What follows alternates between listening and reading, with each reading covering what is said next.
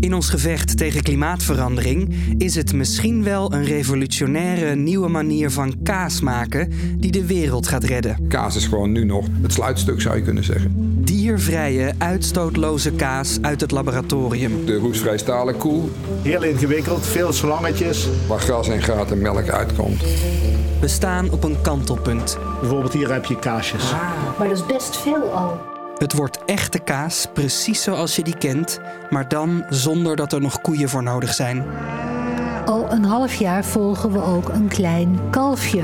En dan gaat het dus eigenlijk ook over klimaat. Heel erg wat mij betreft. Hoe dat zit, We gaan dit jaar de eerste kaasjes proeven, is de verwachting. en wat het kan gaan betekenen. Precies dat. Luister naar Hoe Kaas de Wereld Redt. Een podcast van Marion Oskamp en Simon Heijmans voor de NTR en NPO Radio 1.